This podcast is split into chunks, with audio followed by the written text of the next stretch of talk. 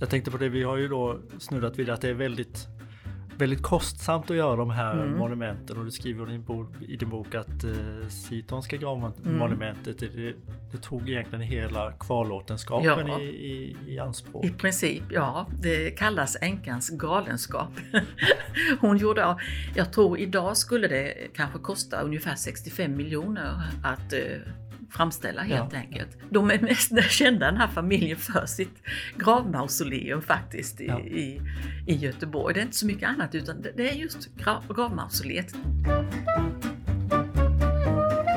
Din podd på jorden är Kulturparken Smålands podd om Kronoberg. Här pratar vi om stort som smått inom länets kulturhistoria, från forntid till nutid.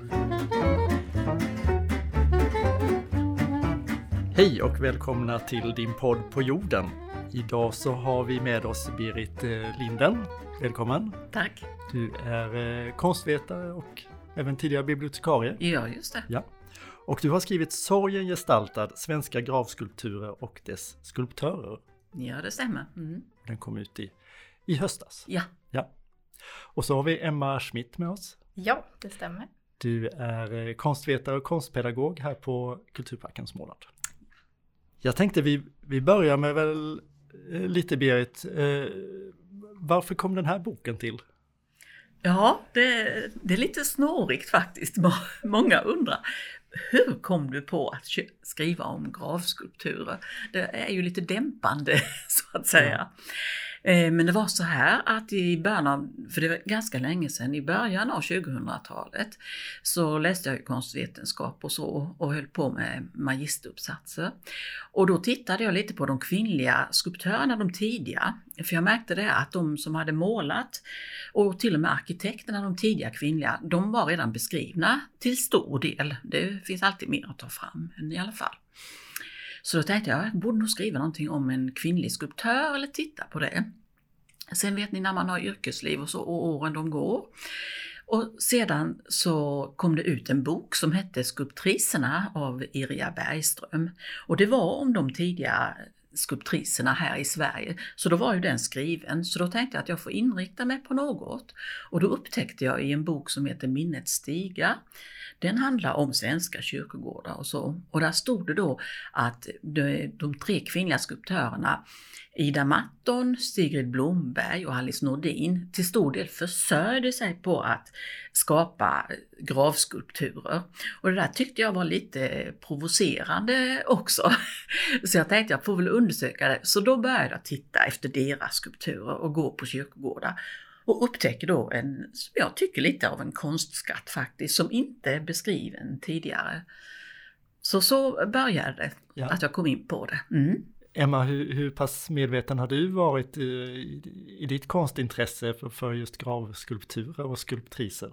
Ja, nej men jag, jag blev väldigt glad när jag läste din bok för att man får ju möta massor av konstnärer som man inte alls kanske har hört om innan. Så att eh, jag tycker inte att jag har liksom mött så många gravskulptörer eh, i min liksom, konsthistoriska utbildning till exempel. Eh, mer om man pratar om ett liksom, internationellt sammanhang kanske, mm. men inte just Sverige sådär. Så Nej, du har rätt. Ja. Mm.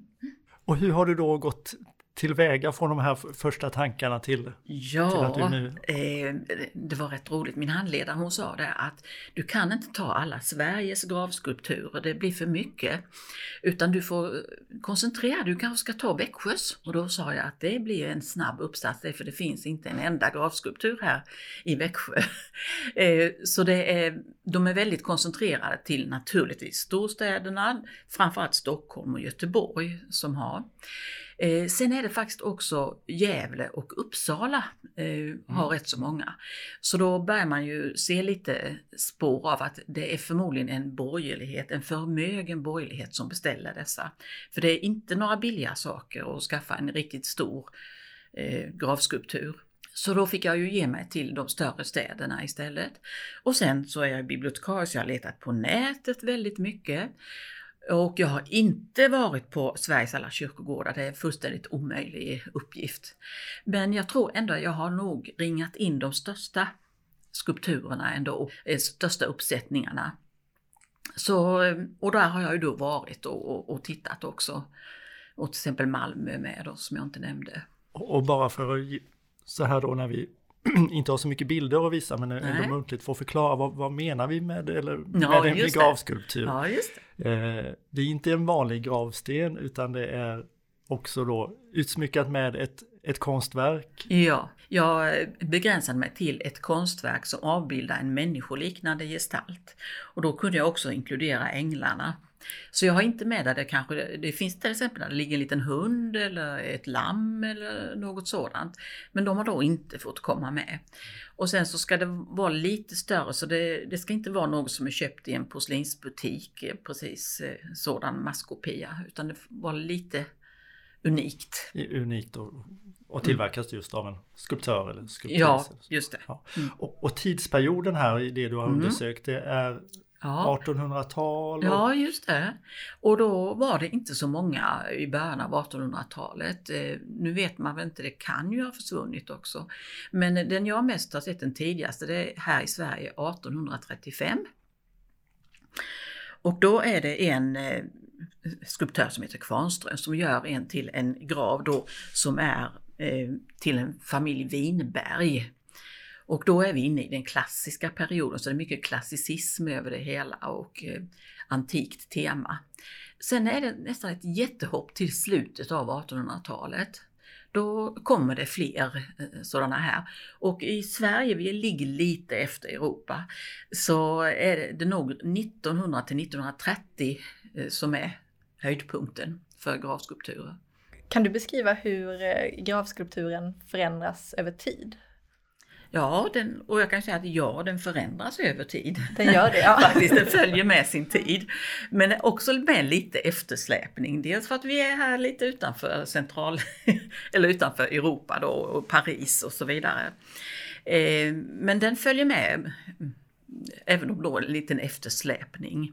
Och då börjar den med klassicismen. Den eh, dröjer kvar då, det är ju egentligen, eh, man pratar ju mycket om franska revolutionen 1789, att klassicismen kommer med den och så vidare och sen en bit in på 1800-talet. Men som jag nämnde då, den tidigaste graven vi har det är då 1835. Sen kommer klassicismen tillbaka på 1920-talet. Så då kan vi se sådana här uppsättningar med tempelgavlar och figurer under som man liksom drar tillbaka till eh, klassicismen. Eh, och antika Grekland och så vidare. Så det är 1920-talet. Men däremellan, då skulle jag nog vilja säga att vi har symbolismen och den passar perfekt till det här. För den ska ju mycket spegla känslor och sådant. Och där griper också de här kvinnliga skulptriserna in. Då får de sin chans så att säga. För de anammar den här stilen. Så det är mycket att eh, då spegla känslor som sorg och övergivenhet och liknande, eller hopp eh, med mera. Sen dröjer det lite in på 1900-talet, om vi hoppar förbi 20-talet igen och kommer fram mot 30-talet och vidare. Då kommer ju modernismen. Eh, men modernismens kännetecken är ju också lite att man inte har föreställande konst. Utan eh, det är mer eh, abstrakt så att säga. Och då passar det inte till de här figurerna som jag då vill ha människofigurer att avbildas. Så eh, då kommer mer, som jag kallar lite vardagsrealism in. Skulpturerna blir mindre därför att gravarna är mindre. Så man har inte den ytan helt enkelt längre att eh, disponera. Eh, och de kommer i mer vardagsklädda in. Så några enstaka sådana finns det. Och där är det mycket Astrid Taube eh, som står för det. Så hon är en av de lite senare gravskulptörerna. Du beskriver ju lite olika motiv i din, eh, i din bok. Kan ja. du tala lite om vilka, vilka ja. motiv du hittar och, och vilka du tycker är vanligast och värt att nämna i ett sånt här sammanhang? Ja, just det. Då, då blir det en liten uppräkning. Ja, ja. det är, eh, vi kan börja med änglarna, det kanske inte är så överraskande. Eh, det finns mycket änglar och då i lite större format vill jag ha dem för att räkna dem. Eh, och någon har sagt också att vi har ovanligt mycket änglar här i Sverige för att vara ett protestantiskt land. Utan det, den gruppen tillhör mer det katolska, så ute i Europa. Men som sagt, vi, vi har mycket änglar.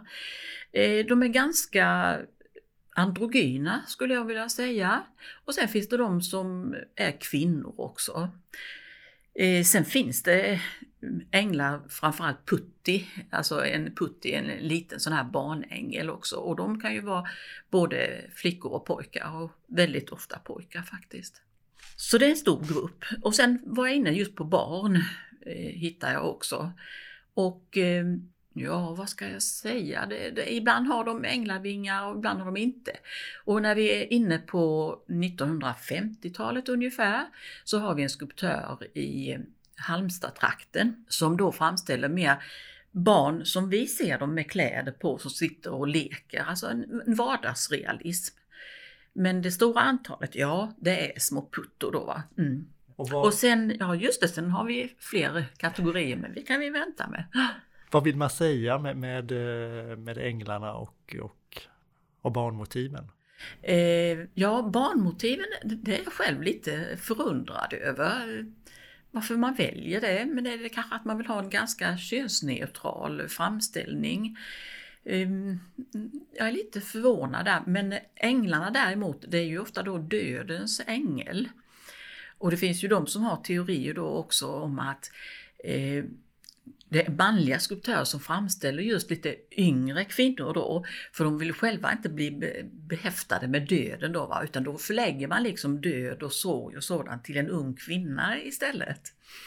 Eh, så det skulle vara, kunna vara en av förklaringarna också, att det är ganska unga kvinnor eh, som är avbildade som änglar då.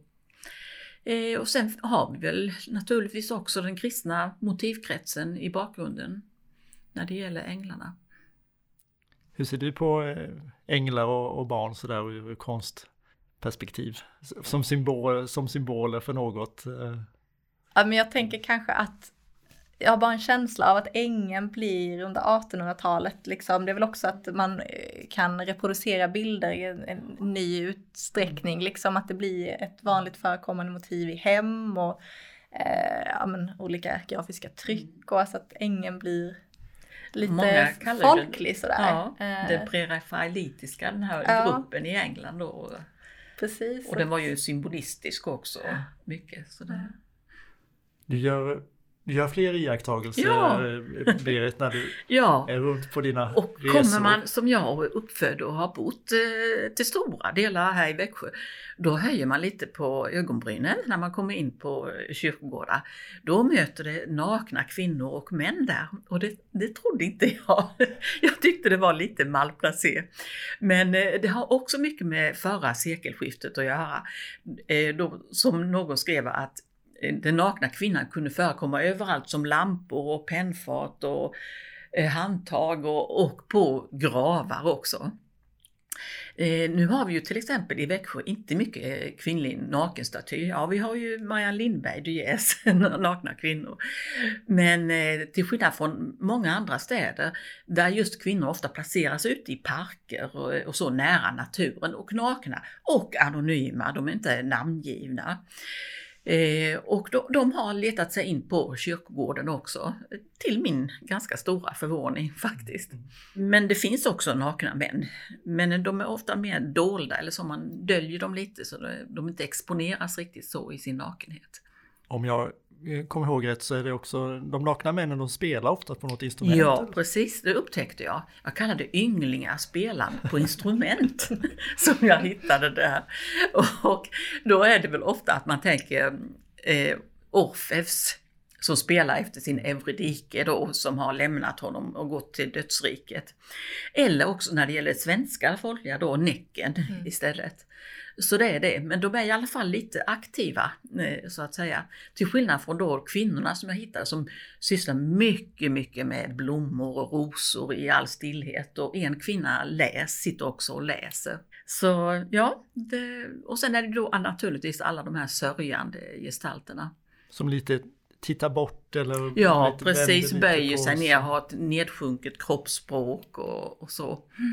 Hur vanligt är det att gestaltningen liksom knyter an eh, till den begravdas liksom person och yrke? Sådär. Alltså, många är ju kanske ganska så neutrala, alltså de här sörjande eh, figurerna eller Ja. ängen eller sådär. Men du, du har ju också några exempel i din bok där som känns som att de knyter an lite till Mm. familjen. Alltså, Ja. det, Någon enstaka, bland annat från Göteborg, eh, har jag någon enstaka där det knyter an. Det var en eh, som hade med varvsindustri att göra och så. familjen Sjöholm Ja, där va? Östra precis. kyrkogården i Ja, Göteborg. just exakt. Mm. Så det har jag. Sen är det, Är det, är det liksom Ja. ovanligt eh, på det Ja. stora hela? Att, att, eh, inte sådär väldigt vanligt nu Nej. när jag bara tänker på det så här.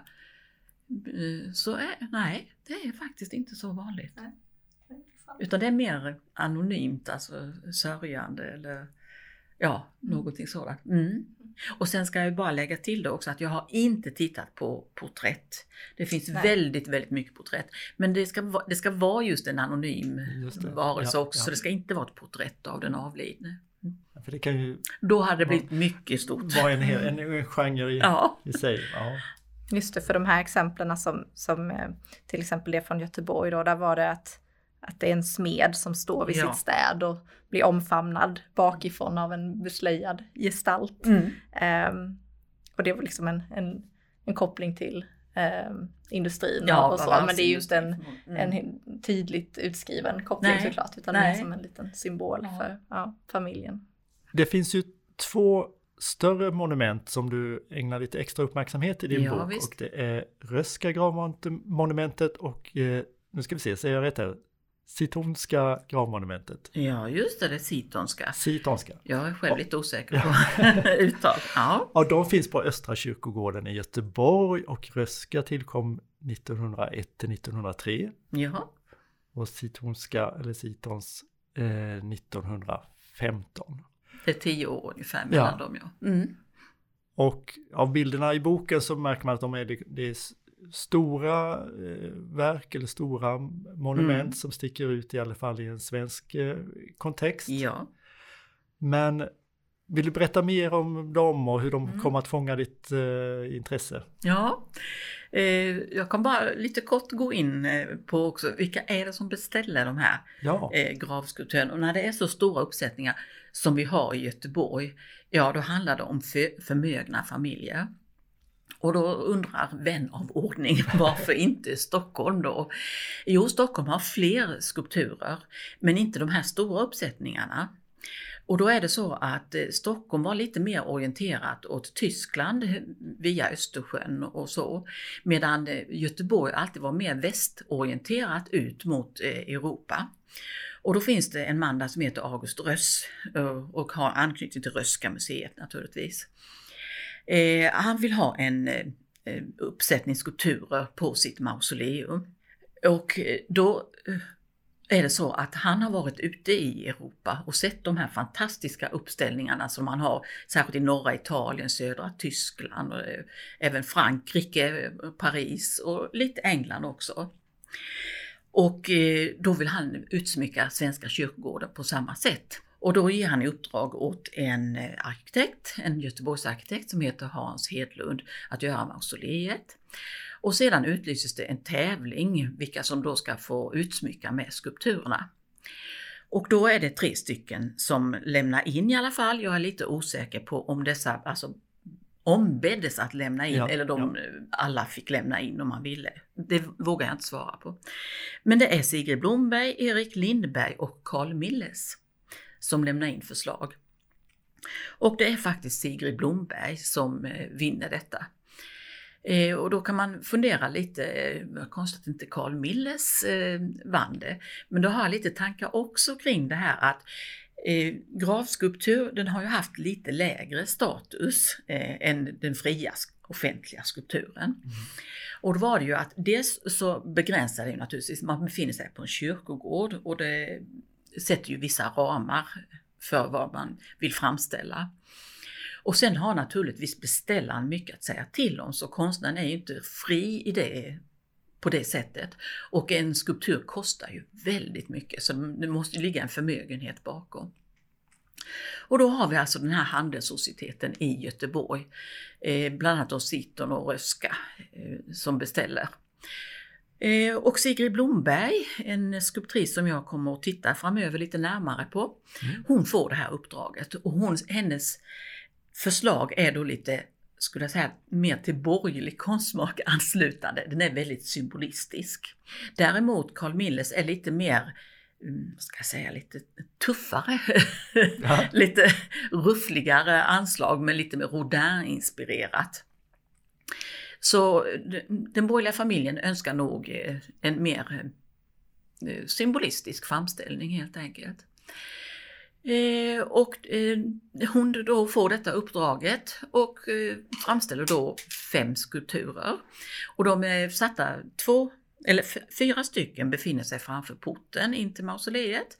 På ena sidan är det en man och en kvinna som ska associeras till hoppet och till höger så har vi sorgen. Då också en man och kvinna. Bland annat den kvinnan i sorgen, hon kryper ihop då i sin sorg. Sen på toppen också av mausoleet, en kupol där, där står uppståndelsen och det är också en kvinna. Och allt detta det befinner sig på så kallade Rikemanskullen på Östra kyrkogården. Ni kan nog förstå varför, ja, ja, ja. varför den har fått det namnet. Och där då bara en liten bit bort så har vi då Sitonska mausoleet. Och där är det Isak Gustav Claesson, en känd arkitekt vid den här tiden, som får uppdraget att göra själva mausoleet medan Charles Friberg då, skulptören, heter så, får uppdraget att göra skulpturen. Eh, röska skulpturerna de eh, är i brons och framställs lite mjukare tycker jag. Medan där sitonska de är ännu större, de befinner sig högre upp och det är i sten vilket ger ett lite kyligare intryck, ett mer klassicistiskt intryck skulle jag vilja säga. Men där också på baksidan av det sitonska mausoleet så har vi två mansfigurer som kryper samman i en väldig känslosmärta. Så där kommer det fram, medan på framsidan är det lite kyligare. Och där på framsidan så finns det dessutom på det så kallade exedran en halvrund formation framför mausoleet så ligger det två kvinnliga sfinxer. Och det kunde jag inte riktigt förstå varför man valde. Eh, jo visst, Sfinxen, det vaktar ju vägen till Keops pyramid eh, så att säga. Så visst hör det samman med gravar. Men då brukar det inte vara så här kvinnliga eh, skulpturer. Sen var det en annan som sa till mig som kom på det att men du tror inte att någon av de här som är begravda i Sittonska har varit med i frimurarna? Och då började jag undersöka det och det stämde, en av dem hade varit med i frimurarna. Och de sätter ofta två sfinxer framför sin, sina tempel, mm. så att säga, till att vakta i gången. Så jag, jag kan nog hålla med, det, det är säkerligen en av förklaringarna. Sen var det vid tiden eh, så var det lite annorlunda syn på kvinnan runt 1900. Och då eh, hade man också så här sirener och svinksen kom tillbaka, den här mansdukerskan och så vidare. Så det var därför jag liksom reagerade på det.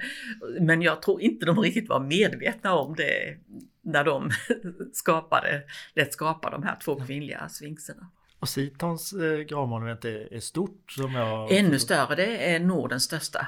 Mm. Hur har det varit och vad har det funnits för material eh, att tillgå när du har liksom gjort efterforskningar hur de här gravmonumenten har tillkommit? Ja, inte så mycket skulle jag vilja säga. Eh, kring Röska så har jag hittat en hel del. Eh, I arkiv och så med Hans Hedlund. Nu är det så att Sigrid Blomberg hon har förstört alla sina dokument så det finns inte så mycket kvar av henne men det finns en viss brevväxling och så. Men jag har försökt då att söka på de här olika skulptörerna. Det är 19 skulptriser och 65 manliga skulptörer som jag har fått samman i Sverige. Men det finns inte så mycket eh, bevarat och det märkliga det är Karl Fagerberg som är den som gör flest eh, sådana här gravskulpturer i Sverige. Eh, jag var uppe på hans arkiv, fanns i princip ingenting bevarat om hans, alla hans gravskulpturer. Så det kan ju vara lite också där, hade det inte så bra status eller, eller ja, jag vet inte anledningen till varför han inte har sparat någonting gällande detta. Så jag försökt, det som står i boken det är ungefär vad jag har kunnat komma fram om beställningsprocesserna. Jag tänkte på det, vi har ju då snuddat vid att det är väldigt väldigt kostsamt att göra de här mm. monumenten och du skriver i din, bok, i din bok att eh, Sitonska gravmonumentet mm. det, det tog egentligen hela kvarlåtenskapen ja. i, i, i anspråk. I princip, ja. Det kallas änkans galenskap. Hon gjorde, jag tror idag skulle det kanske kosta ungefär 65 miljoner att eh, fra, framställa helt ja, enkelt. Ja. Jo, det var så att där inuti det här mausoleet också så har de guldmosaiker med mera. Och det kan man ju inte se idag, för det är ju inte tillgängligt så att säga. Eh, så de var inte minst kostbara. Det, de är mest kända den här familjen för sitt gravmausoleum faktiskt i, ja. i, i, Göteborg. Det är inte så mycket annat utan det, är just grav, gravmausoleet. Det tänker folk på när de hör namnet Siton. I början av vårt samtal så berättade du just att det finns inte så mycket av den här typen av gravmonument för att säga inga kanske rent utav då i, i Växjö eller i Kronobergs län. Stämmer. Hänger det ihop med, med eh, ekonomin tror du helt enkelt? Ja. Att den, den borgarklassen har inte riktigt funnits här i länet Nej. eller är det Finns det, kan det även finnas ja. andra aspekter? Ja, eh, nej det är riktigt. Den förmögna, vad ska man säga, borgerligheten har ju inte funnits här, den här handelssocieteten vad man ska säga. Utan den borgerlighet vi har haft här det är ju kyrkan, alltså biskopatet och mm, mm. Eh, även skolan har varit ganska stark här. Och lite militär också. Och det gör att det har inte funnits det konstintresset. Och sedan har vi haft en ganska, som jag skulle kalla mörk religion här också. Och det gjorde att man, man helt enkelt beställde inte skulpturer med nakna kvinnor. Det, ja, ja. Så var det helt enkelt. Eh, så ja, jag tror både dels religionen men också rent den ekonomiska strukturen här i Växjötrakten har gjort att det inte varit någon, något utrymme för sådana skulpturer. Ja men det här anknyter kanske lite till det du var inne på innan men just att eh, när det gäller offentlig konst som det här ju faktiskt är mm. så finns det ju ofta så många olika krafter som liksom påverkar. Jag tänker på platsen och så mm. beställarens eh, önskemål och krav och plånbok, eh, men också konstnärens egna liksom, vision och kanske mm. också kyrkans inflytande. Mm. Eh, hur kunde de här relationerna mellan liksom, beställaren och konstnären se ut? Vems vilja var det liksom som fick styra? Har du liksom kunnat mm. få en känsla för det när du har gjort dina efterforskningar? Ja, eh, nu, som jag sa tidigare så har jag inte så mycket material Nej. kring beställningsprocessen utan det är mer det röska eh, mm. där jag har. Eh, och eh, efter vad jag förstår, jag har sett ett foto på några förslag hon gjorde, Sigrid Blomberg, till det. Och de ser ju alls inte ut som eh, de färdigställda de, som blev på mausoleet. Så eh, jag gissar att de måste nog ändå ha haft rätt stort inflytande på hur det skulle utformas. Och jag har också kunnat spåra där lite hur till exempel placeringen av eh, figurerna också mm. Eh, har bestämts av familjen. Så ja, jag tror att familjen hade nog ganska stort inflytande. Det tror jag. Mm på hur det, det, skulle utformas och vilket motiv man skulle vara om man ville ha en sörjande eller man önskade en ängel eller något liknande. Och det, det, blir just de begränsningarna, att det, det blir inte den här avantgardistiska konsten som hamnar på kyrkogårdar och begravningsplatser. Utan det, det är den mer borgerliga. Mm. Jag tänkte också på att ja, men det här med offentlig konst, det väcker ju ofta väldigt starka känslor mm. och starka reaktioner. Eh, men gravskulpturen tycks ju alltid ha gått lite under radarn. Under radarn, ja. ja. eh, varför är det så, mm. tror du? Eh, i början av 1900-talet, när de här till exempel Röska och Sitonska sätts igång, då speglas de faktiskt i pressen och även i Stockholmspressen, vilket förvånar mig lite. Och det, det, jag tolkar det som ett tecken på att eh, det finns inte så mycket offentlig skulptur helt enkelt. Mm. Och då tror jag att mycket handlar om statyer över kända män och kungar och så vidare. Och då då tittar man istället lite på det som kommer vid sidan och uppmärksammar det. För det... Så det finns ändå en debatt liksom i ja, pressen om gravskulpturerna? Ja, just det. Ja. Men eh, Däremot så har jag inte hittat att eh, det varit något negativt eller så, utan det är mer en spegling att nu är det August Röst som här skapar sitt mausoleum och så vidare. Eh, det lilla konflikt jag har kunnat spåra, det rör eh, Gösta Ekman, den äldres grav som finns på Norra begravningsplatsen i Solna. Den ville de först sätta på en annan kyrkogård som jag nu inte kommer ihåg, men det var inne i Stockholm. De ville inte ha den. Mm. För det är också en framställan av en sån här, förmodligen Orfes eller Näcken eller något sådant, som är väldigt vriden och eh, med ett smärtsamt ansiktsuttryck. Och det, tydligen, där sa de nej. Så de fick flytta ut den på, och graven på Norra begravningsplatsen istället det är väl den konflikt jag kommer på nu. Mm. För annars så var det ganska... Var det kyrkan då som sa nej? Eller vem? Ja, det var det. Mm. mm. Eh, men det, eh, som sagt, annars så var det nog ganska mycket den borgerliga familjen som bestämde och då var det inte riktigt sådär att det kanske eh, störde den normala estetiska upplevelsen. Vilka var det då som beställde de här skulpturerna? Jo, vi har pratat om det, att det mycket var en borgerlighet. Men det, det, har ju naturligtvis föregåtts av någonting annat och då kan jag bara kort säga att det har ju naturligtvis föregått till exempel på 1600-talet av de här olika gravkoren i kyrkorna. Då var det adeln som beställde och då var det olika personifikationer, och allegorier och riktiga benrangel och så. Ni vet 1600-talet, de är väldigt dödsfixerade på något sätt med dödskallar och ben och så.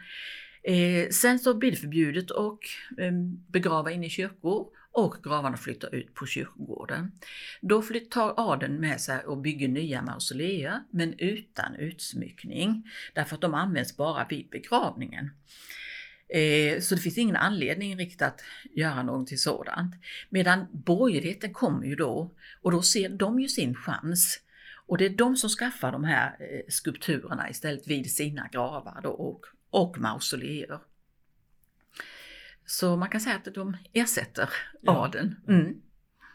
Om vi tar steget fram till då lite mer nutida dagar eller mm. sådär, finns det, vad, vad, finns det för spår eller vad märker vi av något av detta? Ja, är, idag så är, har post, det postmoderna slagit igenom mycket på kyrkogård och begravningsplatser.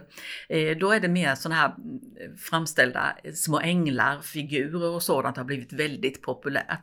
Det är alltså inte unikat på något sätt utan det är, det är industriellt framställda. Ja. Så det finns en annan uppfattning idag om vad man får sätta på gravarna. Vet du om det finns någon verksam konstnär idag som, som ägnar sig åt gravskulpturer eller gravutsmyckning? Jag kan ju säga att det finns ju ett antal gravar nutida. Och nu vågar jag faktiskt inte säga, nu kan jag inte namnen på dem, men det händer att man utsmyckar gravar. Det kan ibland vara abstrakt också, ja. formspråk. Men eh, just nu så kommer det inte upp något namn. I, nej, nej. men det händer, men som sagt mycket lite på grund av gravarnas mindre utformning och eh, kremeringen och så vidare.